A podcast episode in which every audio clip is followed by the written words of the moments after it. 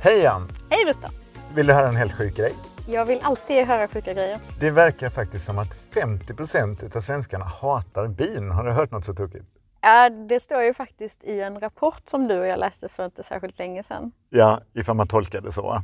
Eh, Den här rapporten, Invånarna om sin miljö och klimatpåverkan från Ramboll, ska vi snacka lite om idag. Med Mm. vem då? Med Louise König. Ja, och det kommer ganska snart. Men det händer en himla massa annat också i, i det här avsnittet, vår lilla sommarspecialpodd. Ja, vi har en lista till exempel. Ja, en lista över hur man kan ha en härlig men lite mer hållbar sommar. Vi Precis. får fint folk på besök i podden Mm, många gäster i det här avsnittet. som ska lämna sina tips. Och så kommer Jenny Westin från Avfall Sverige och ska börja tisa lite om rapporten som är på gång som heter Svensk avfallshantering. Ja. Som är höjdpunkten utav utgåvor i vår bransch. Så nu är vi igång, eller hur? Nu kör vi! Avfallet är en podd som produceras av miljöföretaget Sysav. En lite smånördig miljöpodd för dig som gillar sopor. Eller ja, hur sopor hänger ihop med konsumtion, miljö och klimat och så. Avfallet, en riktigt sopig podd helt enkelt. Vi ska slänga oss in i den här rapporten. Mm. Eh, men innan vi drar igång och analyserar vad som eh, har sagts och kommit fram i den så tänkte jag att vi får höra Louise König själv presentera sig, vem hon är och varför Ramboll tog fram den. Ja, det kör vi. Hej, jag heter Louise König och jag jobbar på Ramboll som är en samhällsrådgivare som finns globalt i 35 länder. Vi är 16 000 personer. Jag jobbar i Sverige som konsult eh, inom strategisk hållbar rådgivning. Så Ramboll brukar ta tempen på vad invånarna tycker. Det är i princip våra kunders kunder. Och vi vill också vara en del av lösningen och bidra till olika samhällsutmaningar. I kombination med att vi ser en jättestor potential i att koppla ihop klimat, vatten och biologisk mångfald som vi har gjort i den här invånarundersökningen som är nummer två. Den första handlade om resiliens. Det viktiga i den här undersökningen tycker jag och varför vi gjorde den också, det är för att jag är så trött på att alla bara pratar om klimatet. Det utmanande är ju att få ihop klimat, vatten och biologisk mångfald i ett narrativ som människor förstår och förstår att det hänger ihop. Klimatet, det blir varmare på vissa ställen, det blir torrare på vissa, det blir blötare på andra. Så att man ser hur det här hänger ihop. Det kommer påverka om jag har vatten i brunnen eller om jag måste så här, ha gummistövlar på mig varje dag, det blir översvämning eller det påverkar den biologiska mångfalden, att arter inte kan liksom fortleva och fortplanta sig. För det är liksom vårt stora problem just nu, att vi pratar bara om klimatet. Man pratar inte om helheten och då kommer folk inte förstå helheten. Det var ju några siffror som förvånade både dig och mig i Ja. den här rapporten. Minst sagt. Minst sagt. Eh, och vi frågade också Louise om detta, om det var någonting som förvånade henne.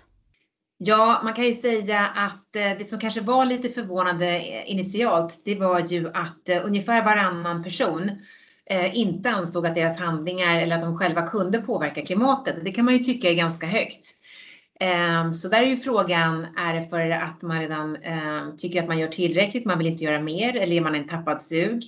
Ehm, det var väl lite förvånande. Sen så tycker jag även att 44 procent som svarade på undersökningen ville konsumera mindre. Det är ett ganska, eh, en ganska hög siffra tycker jag. Så det är två saker som förvånade mig. Visst är det intressant att vi som lever och jobbar, i- verkar i den här branschen och pratar så mycket om det hela tiden. För oss är det ju självklart att allt vi gör påverkar. Mm. Vad tror du det beror på att de här siffrorna är så pass låga som de är? I alla fall låga för mig. Jag låga för dig, men är det inte lite att man är i sin bubbla och det är lite preaching for the choir ibland, vilket är himla trevligt när man jobbar som föreläsare, att man bara har människor som sitter och håller med en och är helt tagna av miljöfrågor liksom. Och då blir man ju lite lurad att tänka att det här är viktigt och alla är med på det här och vilken förändring vi är med om. Och nu händer det. Ja, nu händer det och så kanske det inte alls är så. Nej. Kan det, men jag tror att det ligger mycket i det som, som vi har varit inne på flera gånger, att man tenderar att i vissa frågor se sig själv som en väldigt liten, obetydlig person och inte en del av ett kollektiv. Mm. Och det här tror jag också är lite det som gör att det finns skillnad mellan vad kvinnor och män svarar på den här frågan. Mm. Eh, och det tog ju du också upp i ditt samtal med Louise, eller hur? Mm. Det är inte helt ovanligt att man ser de här skillnaderna, att kvinnor är mer engagerade i samhällsfrågor än män. Eh, yngre och äldre ofta är mer engagerade i samhällsförändringar än eh, partiet i mitten. Så att jag tror att det här är ganska vanligt och jag tror att det kanske handlar om eh, eh drivkrafter, vad man är engagerad i. Eh, och sen vill jag inte spekulera mer i det, men det är inte helt ovanligt. Det som är tydligt är också att eh, kvinnor i åldern 50 till 64 år, där tror hela 70 procent av kvinnorna att deras val påverkar klimatet till stor eller till mycket stor del. Ehm, och där tror jag också att man kanske är lite äldre så vill man verkligen vara med och förändra och ser sin potential att göra det. Någonting som vi jobbar ganska intensivt med också på Rambo, det är ju att eh, liksom uppmuntra till beteendeförändringar och hur man kan göra det på ett strukturerat sätt. Så vi jobbar ju som samhällsrådgivare, men vi erbjuder också väldigt mycket tekniska lösningar. Vi är ingenjörer och där brukar vi ju alltid säga att tekniken för teknikens skull har ingen roll, utan den måste kompletteras med även beteendeförändringar. Och det är, om man tittar på frågorna framåt här, hur vi ska liksom lösa våra globala utmaningar kring klimat, vatten, biologisk mångfald. Tekniken kan göra en sak, beteendeförändringen en helt, liksom mycket mer. Och då får vi väl bara hitta nya sätt att accelerera eh, förändringen även hos män. Kanske att man lägger in fler eh, tävlingsmoment eller olika former av bonusar eller ekonomisk kompensation. Det kanske kan trigga dem i större utsträckning. Rustan, du är ju man. Japp. Hur tycker du att eh, man ska nå männen? Jag tycker Louise har en intressant poäng här. Jag tror att det, och nu blir det generella ordalag, eh, men att det verkar finnas en övervikt hos män att vilja ta till en teknisk lösning, en ingenjörslösning på ett samhällsproblem. Och det är ju jättebra. Vi behöver ju fantastiskt bra miljöteknik till exempel. Vi behöver bättre teknik eh, som genererar mindre utsläpp och miljöpåverkan. Mm. Men man glömmer bort det här med beteendeförändringar och att jobba med normer och värderingar. Och här tror jag att det behöver ett mer citationstecken kvinnligt tänk. Men för att män, vi män ska fatta det, mm. då tror jag att vi behöver också bli bättre på att mäta och visa på siffror vad det får för effekt med beteendeförändringar. För där slarvar vi många gånger. Vad är the return of investment med en beteendekampanj? Hur mycket lönar det sig i konkreta siffror så att även ingenjörerna, oavsett om de är män eller kvinnor, så att de ser och kan räkna på det och se att det lönar sig att jobba uppströms. Men de som inte känner riktigt att det är mätning och siffror som behövs utan bara känner att man inte har någon påverkan ändå, hur ska vi nå dem? Ja, de männen tror jag faktiskt att vi kan nå på precis på samma sätt.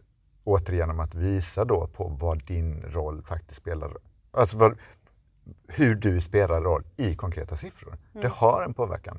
Vi kan inte bara säga att det har det och sen inte kunna visa på det. Nej. Därför att jag tror att det finns många av de här som gillar fakta. Män läser mer faktaböcker, kvinnor läser skönlitteratur. Vi behöver skönlitteratur som visar på vad den kunskapen faktiskt genererar i siffror i slutändan, ifall du förstår vad jag menar. Vad är en samhällsförändringsvärde i, i konkreta eh, tal? Mm. Nu tycker jag ändå att det förenklar lite manligt och kvinnligt ändå. Att män gillar fakta och siffror och kvinnor gillar skönlitteratur och mjuka... Jo men det blir generaliserande. Men läs, kollar du så ser du att män läser mer facklitteratur ja. än kvinnor gör och kvinnor läser mer skönlitteratur än män gör. Sen så läser jag då som man inga fackböcker nästan, vilket jag kanske inte ska erkänna här som sitter i pedagogisk podd. Men jag, jag läser skönlitteratur men det har ju skapat mig en förståelse kring liv och samhälle och människor, hur de fungerar du kan ju tillgodogöra dig fakta även skönlitterärt. Mm. Och inför den här podden så pratade du och jag också om det här med om man ser sig själv i, i ett sammanhang eller ett kollektiv och det gör kvinnor generellt sett oftare. Ja, jag tror ju det i alla fall. För där har jag faktiskt inga siffror i huvudet nu. Men jag har ändå läst ganska mycket sociologi och socialpsykologi. Och kvinnor tenderar att tänka mer på gruppen mm. eh, och familjen och den utökade familjen i, i högre utsträckning än män. Återigen, generellt. Och det här kanske gör då att man ser sin påverkan, sin på påverkan större, därför att man tänker den också i ett kollektivt, kollektivt mm. sammanhang, eller i ett gemenskapssammanhang. Så att säga. Mm. Du, nu ska vi också snacka lite om det här med information. Mm. Jag vet att du har lite problem med när du läser undersökningar som den här som säger att man efterfrågar mer information. Ja. Kan du inte utveckla din lilla rant du hade här, häromdagen? Ja, men jag tycker väl överlag att dels information finns först och främst och att så här, åh men det är inte tillgängligt. Det blir så knasigt att säga för att vi har ju all information i vår telefon. Bara liksom googla eh, klimatsmart eh, kött eller klimatsmart mat eller något. Så får du all information kring det. Är det verkligen mer information vi vill ha? Ja, för det, vi har ju också sett undersökningar där det faktiskt är att man säger att man vill ha mer information men när man pressar dem lite så visar det sig att jo, jag kanske har den informationen men man kanske inte alltid har den vid rätt tillfälle och det tar ju faktiskt Louise upp väldigt klokt mm. när du ställde den frågan till henne. Ja, vi ska höra. Vi som jobbar med frågorna, vi kan ju säga så här, men det är väl ganska tydligt vad det är som är mer hållbart och vad det är som är mer klimatsmart. Men jag tror ändå för att den, eh, liksom den vanliga personen som går och handlar i en livsmedelsbutik och ska fundera på, ah, men ska, vilket typ av kött ska jag välja? Ska jag välja nöt, gris? Eller lamm? Ska jag välja från Sverige? Ska jag välja ekologiskt? Eh, och när ska jag välja ett vegetariskt alternativ och vilket ska jag ta då? Ska jag ta ett halvfabrikat eller ska jag ta en halloumi eller ska jag ta en zucchini? Jag tror inte alls att det är speciellt tydligt. Så där ser vi också i den här undersökningen att man vill verkligen ha information vid köptillfället. Och där tror jag också att det finns en jättestor potential att utveckla nya digitala lösningar för att möta människor i köptillfället innan när man funderar på vad man ska köpa och göra utvärderingen och sen att man får ett kvitto på att man har gjort ett bra val. Och där lyser, tycker jag, majoriteten i alla fall inom svensk handel med sin frånvaro. Ja, jag tycker att de sa det jättebra, men jag skulle vilja också komma med lite en invändning här. För det är ju också så att vi har vissa tydliga eh, märkningar i livsmedelsbutiken idag, till exempel Fairtrade-kaffe. Mm. Men det säljer fortfarande en minoritet av eh, kaffet som säljs är Fairtrade. Vi köper i majoritet icke Fairtrade. Det tycker jag är så konstigt för jag tycker alltid att när jag handlar så ser jag bara en massa hållbarhetsmärken, UTS och Rainforest ja, Men när jag läste senast så var det just kopplat till Fairtrade mm. att den absoluta majoriteten säljs är inte Fairtrade. Mm. Och det, det, är ju en märkning de flesta faktiskt känner till. Mm. Nu är ju det ibland lite dyrare och kan det vara den här lilla skillnaden i kostnaden som, som gör att man då väljer bort det ja då kanske det inte är informationen som är problemet utan det är väl känslan av att det spelar kanske inte så stor roll ifall jag just inte köper det här Fairtrade. Men också vanor och intresse för att jag tror att intresse för någonting spelar superstor roll i det här med hur mycket information vi vill ha. Ska vi köpa en ny eh, bil och vi är intresserade av det, då jävlar i det vad vi läser på. Ja. Ja, jag tycker ändå att hon har rätt. Vi ska förenkla för att göra rätt. Mm. Liksom man ska kunna göra valen smidigt och lätt. Mm. Så där är vi helt överens. Ja, ja, men nu går vi vidare. Nu kan vi inte komma till det här med bina snart, för det tycker jag är så spännande. Hatar svensken verkligen bin? Ja, nu får vi reda på det. Det låter lite hårt, eh, de här ljuvliga små surrande varelserna.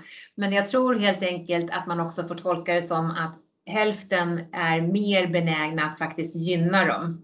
Och det är ändå ganska många, om man säger att en av två personer som du möter är beredda att göra mer för den biologiska mångfalden, är beredda att göra mer för bin och insekter. Så det kan man ju säga är ganska högt egentligen. Så jag tror att det är kanske en större andel som inte bryr sig eller inte är engagerad eller inte ser sin roll eller förstår hur. Ja, jag tycker ju att Louise är överoptimistisk här. Jag tycker inte att det är så himla bra att varannan eh, kan tänka sig göra mer. Nej, det, jag tycker väl alla borde kunna tänka sig göra lite mer för binas skull. Yeah. Men eller så är det som hon säger att man, man kanske inte förstår frågan ens en gång. Man kanske inte förstår hur viktiga pollinatörerna är för att vi ska få äta. Jag tror inte man har tillräcklig förståelse generellt sett kring ekosystemen de funkar heller och ek, ek, eh, ekosystemtjänsterna. Nej. Eh, för det här är en ekosystemtjänst som är oerhört värdefull mm. och helt livsnödvändig. Vill vi käka äpplen så behöver vi bin. Ja, vill vi käka så behöver vi bin ja. kan vi säga. Vi kanske ska prata lite om bin i något avsnitt. Ja, det kan vi göra. Tack Louise för att du ville vara med i vår podd. Och innan vi släppte iväg Louise på annat så fick hon lämna sina bästa, härliga, hållbara sommartips. Så nu kommer listan med hållbara sommartips. Ja, jag har ju tre tips då som jag praktiserar själv. Och det ena tycker jag jag vill dela med mig till alla och det är ett, börja kampa och lämna noll avtryck i den mån det går. Två, det är ju liksom bada varje dag och se till att lukta på en ny blomma. Då får man verkligen så mycket livslust. Och tre, det gäller ju maten och då skulle jag varmt rekommendera om ni tycker att det är jobbigt att ordna middagar, börja bjuda människor på frukost och två, eh, initiera, introducera restpizzor. Alla rester som ni har, som ni vet så hatar jag rester. lägg dem på en pizza. Eh, det är enkelt, det är gott, det är smidigt och det är en minimal insats. Man behöver bara ha en deg som står i kylen som man kan ladda på, sätta igång ugnen eller öppna elden och kasta ner alla rester. Ja, men du är igång med sommarlistan. Ja. Eh, Det var jättebra. Jag tyckte att hon hade bra tips, Louise. Eh, och det, hennes sista tips med restpizza där, det osökt kom vi in på nästa tips som är från eh, en pizzadrottning. Hon är känd för sina fantastiska vedugns, vedugnsbakade pizzor här i Malmö. Kocken, tv-kändisen från Mästerkocken bland annat, om en hållbar, härlig sommar.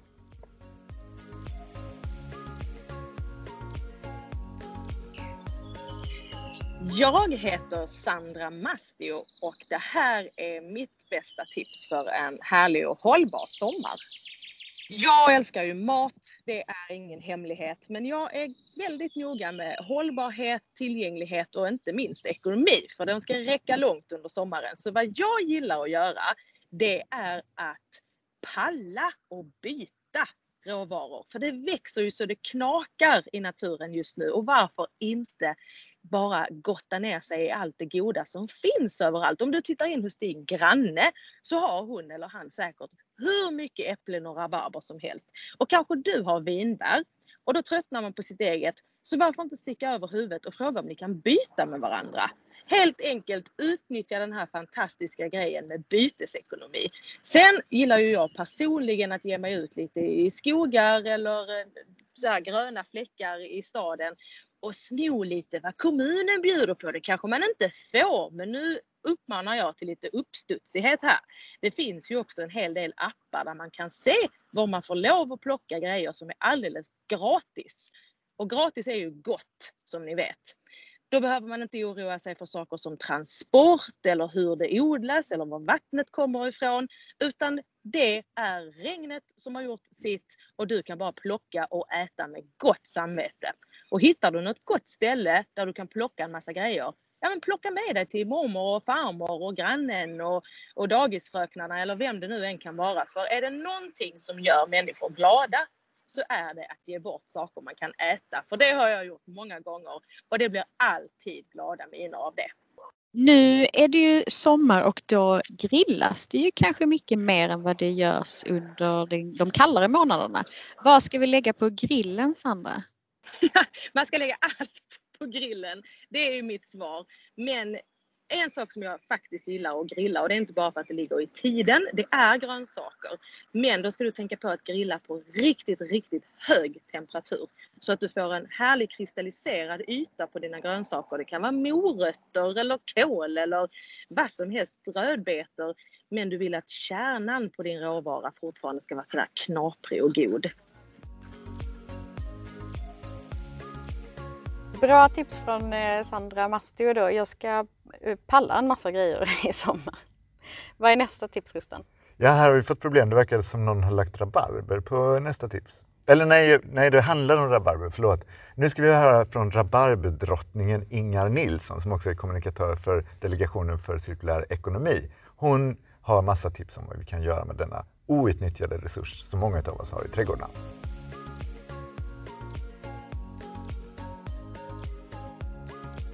Ja, men jag har massor, men jag ska ta ett superenkelt. Och eh, det är egentligen eh, en shot, men eh, jag kallar den en drink. Den heter Pink Chocker. Och ehm, det är bara att man lägger ett litet glas is och sen så 4 centiliter vodka och två matskedar outspädd rabarbersaft och sen så river man lite färsk ingefära över.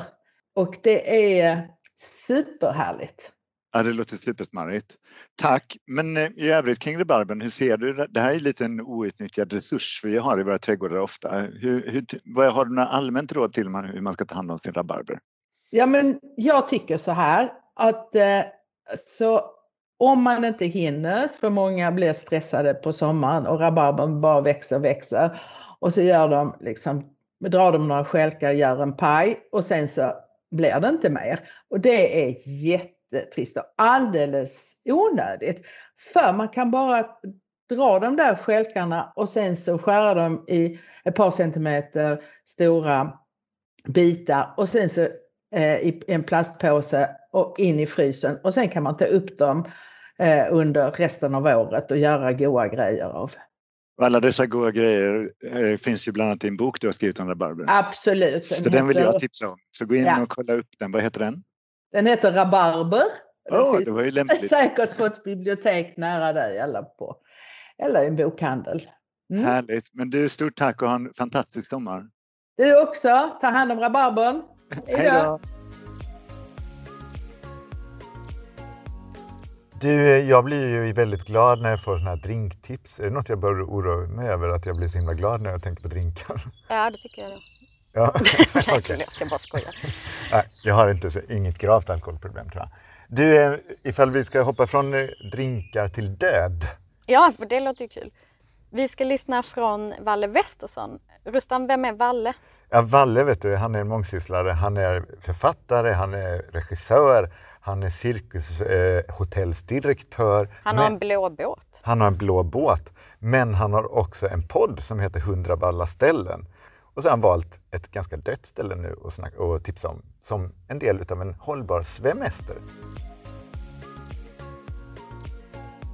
Hej! Valle Westersson här och jag ville tipsa om ett ställe som kallas för Döda byn. Det ligger norr om byn Arkelstorp, den levande byn Arkelstorp i nordöstra Skåne. Och det är en speciell by, den här döda byn, för att den är som namnet antyder just död. Ingen bor där längre och det finns knappt några spår kvar av byn.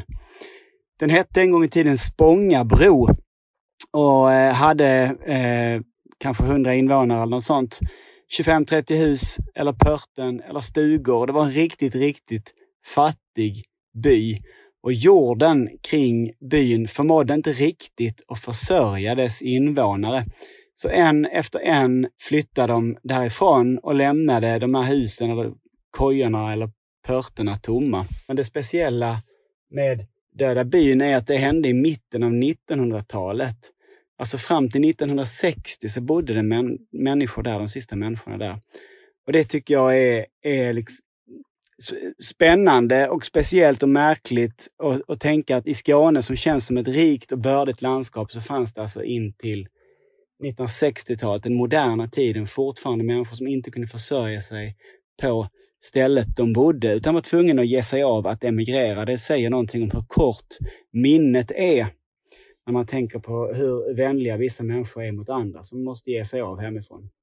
Så att Döda byn är, är ett spännande utflyktsmål. Det som återstår idag är några husgrunder som är överväxta. Man kan se en och annan mm, gammal murstock peta upp eh, eh bland eh, skogsvegetationen. Eh, eh Så man måste alltså vara lite av en, en, eh, en utforskare för att hitta den här byn, vilket också är en liten faktor i att det är så spännande.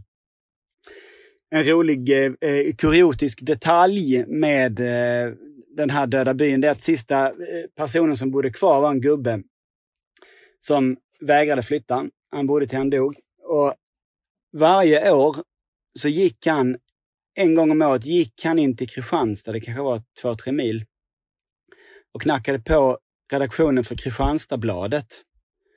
Och där eh, fick han hela den tidigare årsutgåvan av Kristianstadsbladet. Sen gick han hem med dem i en ryggsäck. Och sen så läste han en tidning om dagen på årsdagen precis ett år senare. Så fick han alltså exakt ett år gamla nyheter. Det är lite spännande. Så det är mitt utflyktsmål eh, och till Döda byn som en gång hette Spångabro norr om Arkelstorp. Det är också ett väldigt vackert naturområde att bara vandra omkring i. Så även om du inte hittar de här ruinerna efter den övergivna byn så kommer du ha en fin utflykt. Ha det så gött! Hej då! Jag har faktiskt kollat upp Döda byn och jag kommer åka dit i sommar. Vad kul! Mm. Du... Det här med semester som du sa. Ja. Mm. Vi kommer få höra lite mer om det. Nu under coronatiden så kommer vi ju semestra mer i Sverige. Ja, och det är en positiv trend för vi tänker på klimatet, att vi inte flyger iväg. Eh, du, nu vill jag snacka lite mer om vad jag ska ha på mig i sommar. Det tycker jag är viktigt. Mm, precis. Vi ska få höra från en som är expert på det här med hållbart mode. Vem då? Johanna Leiman. Och Johanna Leiman har en podd som heter Slow Fashion-podden. Så är man intresserad av hållbart mode och vill lära sig mer om det så rekommenderar vi varmt att man ska lyssna på den här podden. Slow Fashion-podden.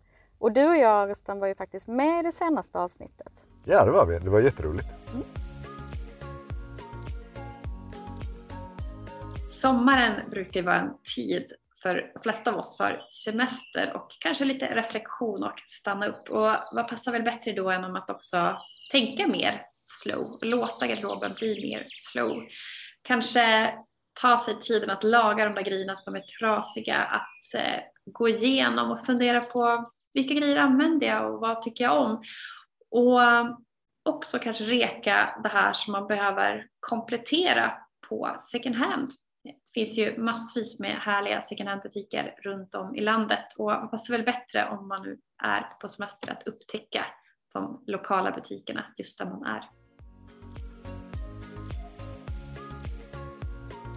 Det här var en bra övergång till nästa gäst för att det handlar lite om tid. Nu på semestern så får man faktiskt kanske tid att eh, se över vad man har i sin garderob och fixa med det och kanske sy om och lappa och laga. Eh, men den här tiden ska man ju nyttja, inte stressa runt. Hur ska vi gå ner i varv? Och hur ska vi liksom må bra på sommaren inombords också? Inre hållbarhet hänger samman med yttre hållbarhet. Vet du vem som kan mycket om det? Katarina Rolfsdotter Jansson. Hon är journalist, författare och programledare. Ja, nu lyssnar vi på henne.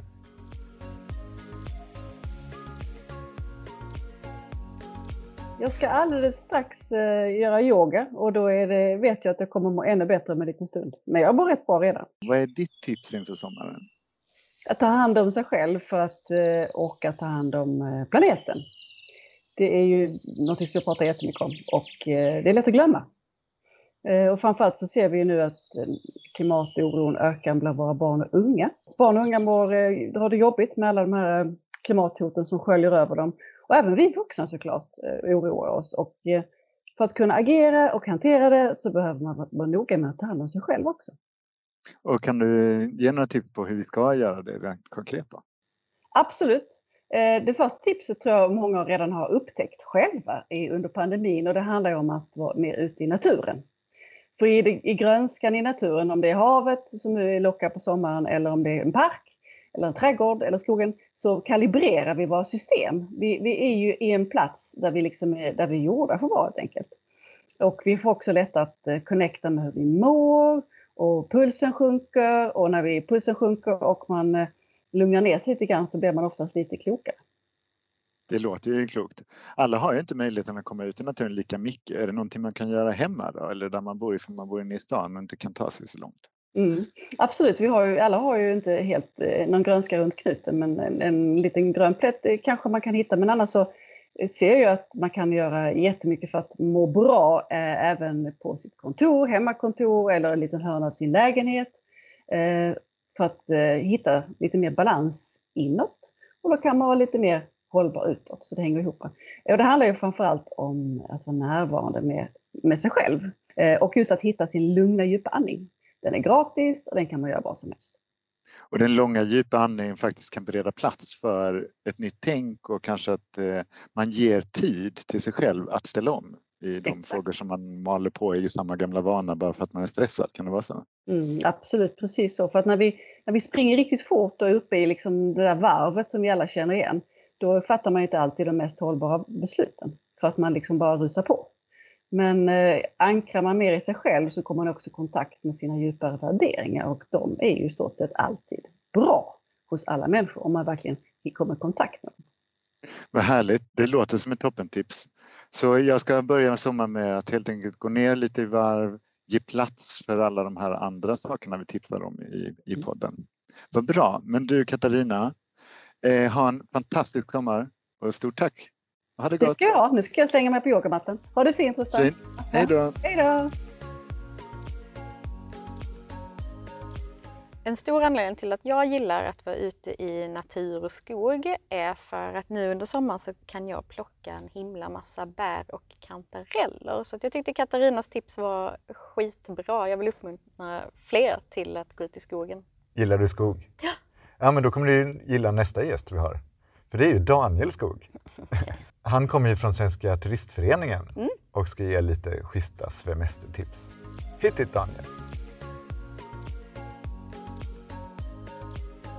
Hej, jag heter Daniel Skog och kommer från Svenska Turistföreningen.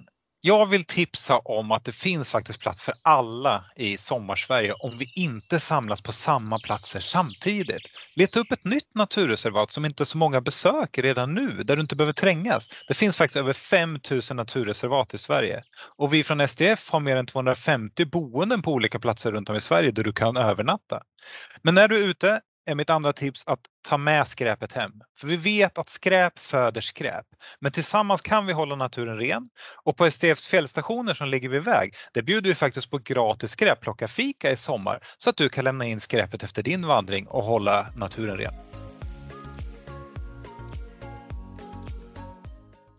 Tack Daniel! Innan vi tar sista eh, listgästen Ja. Så skulle jag vilja säga till alla er lyssnare, det här med att Rustan drar en himla massa ordskämt. Vi har bestämt på kontoret att han får bara dra ett om dagen för att det blir väldigt många annars. Men i, den här podd, i det här poddavsnittet så har han faktiskt fått då undantagstillstånd och får skämta lite mer. Och ibland klipper du bort dem har jag märkt. Mm.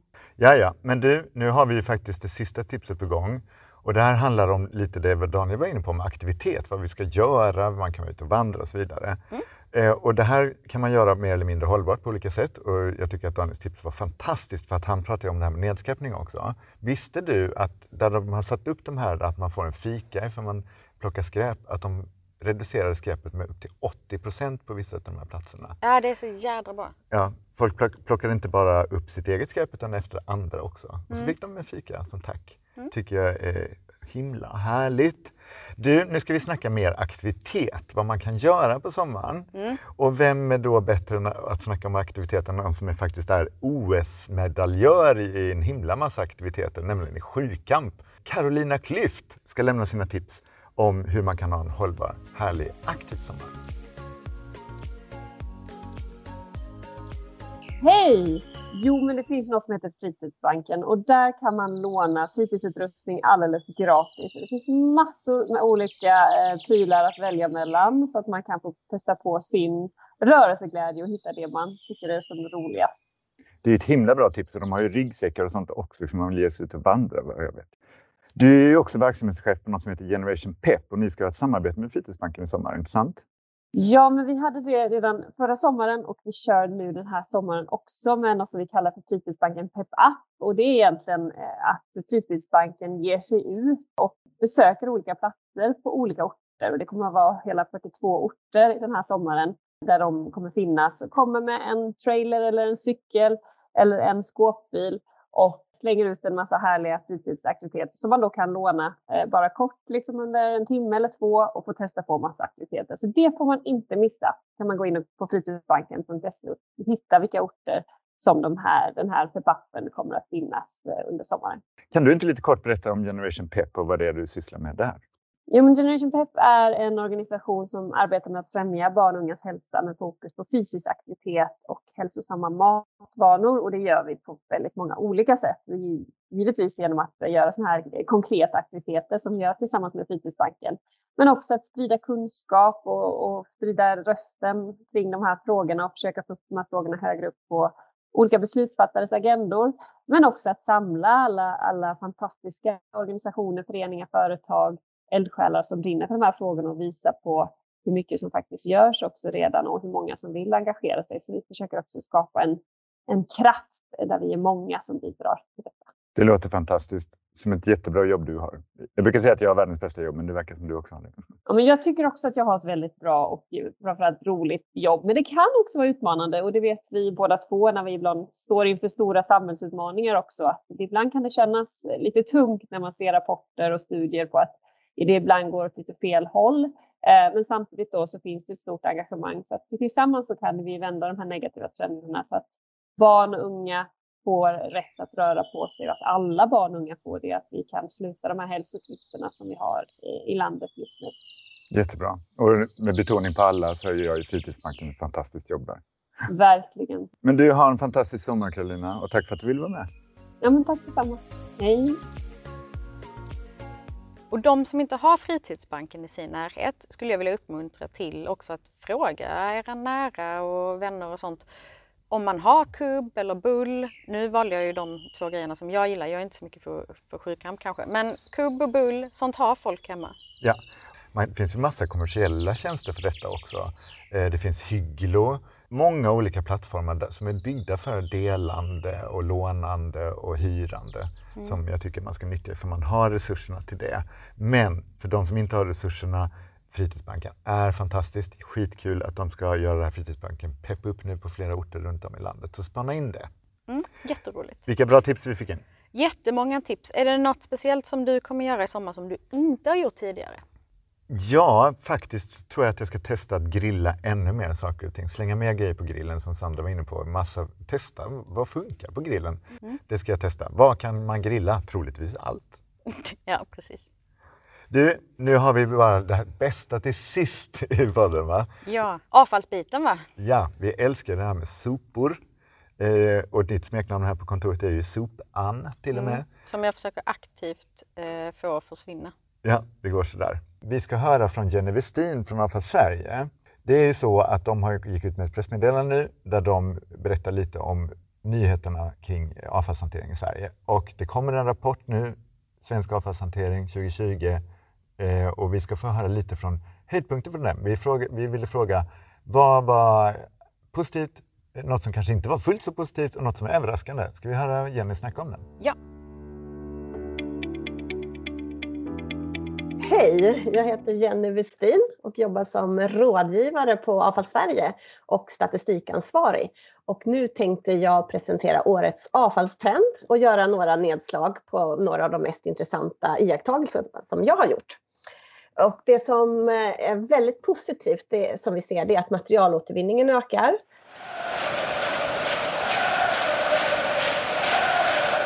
Totalt har mängden ökat med 5% från 147 kilo till 155 kilo per person. Och en orsak är förpackningsavfallet, att det ökar. Eh, framförallt pappersförpackningar. Och det är en trolig effekt, tror vi, av corona. Eh, för att eh, man ser ju att internethandeln har ökat. Eh, även den biologiska återvinningen har ökat med 13 procent.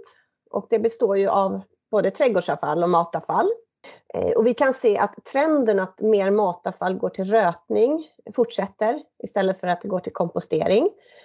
Och det är positivt för då får vi två nyttigheter. Vi får både biogas och vi får biogödsel. Och det är ju cirkulär ekonomi på riktigt. Eh, samtidigt eh, är det viktigt att vi fortsätter att jobba förebyggande och få ner matsvinnet, alltså det onödiga matavfallet. Något som är lite negativt det är att inte de totala avfallsmängderna eh, minskar mer än de gör. Totalt uppkom 4,8 miljoner ton kommunalt avfall, vilket är 467 kilo per person. Och det är en minskning med ett kilo eh, jämfört med 2019. Men det tycker inte vi är tillräckligt. Vi vill att, att vi ska minska mer och fortare det är för att få till en omställning mot våran vision. Det finns inget avfall. Och då måste vi arbeta mer förebyggande. Det krävs att man återanvänder mer och inte köper nytt i onödan. Och lagar det som är trasigt istället för att slänga och köpa nytt. Och det som jag tycker är mest överraskande i årets statistik, det är att energiåtervinningen, alltså det avfall som går till förbränning, har minskat med 8 procent. What? Eh, så trots att mängden grovavfall som samlas in har ökat så, så minskar då energiåtervinningen. Eh, och grovavfall är det som främst samlas in på kommunernas återvinningscentraler. Och här tror vi att även det är en coronaeffekt, för många har jobbat hemma och haft mer tid under föregående år att rensa ut och bygga om hemma. Och eh, det stämmer också med att många kommuner har rapporterat om ökade mängder grovavfall och långa köer och trängsel på återvinningscentralerna. Eh, och samtidigt har ju materialåtervinningen, som jag då nämnde inledningsvis, ökat. Och det tyder ju på att folk sorterar bättre. Så många kommuner har infört något som de kallar töm säcken eller krav på att man ska ha genomskinliga säckar när de lämnar på återvinningscentralerna. Och detta är för att sorteringen ska bli bättre och kunna då gå till materialåtervinning istället för till energiåtervinning. Och det tycks ju faktiskt ha resultat. Så det är ju väldigt, väldigt positivt. Och det var lite av det jag tänkte säga här idag. Tack så mycket Jenny Westin för att du berättade om den här rapporten. Det här är ju ett måste att läsa eh, för oss i avfallsbranschen. Här ser vi vad som händer, eh, vad som vi kan göra bättre och det jag tar med mig, för vi kör en jättesnabb pepp eller depp, mm. pepp, avfallsmängderna går ner, depp inte så snabbt. Det var världens snabbaste pepp eller depp. Jättebra.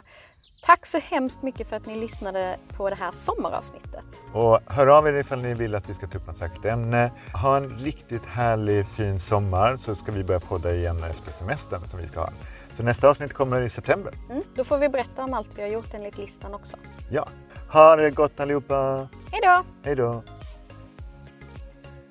För fler somriga och hållbara tips, glöm inte att följa oss på Instagram. Där heter vi Sysav.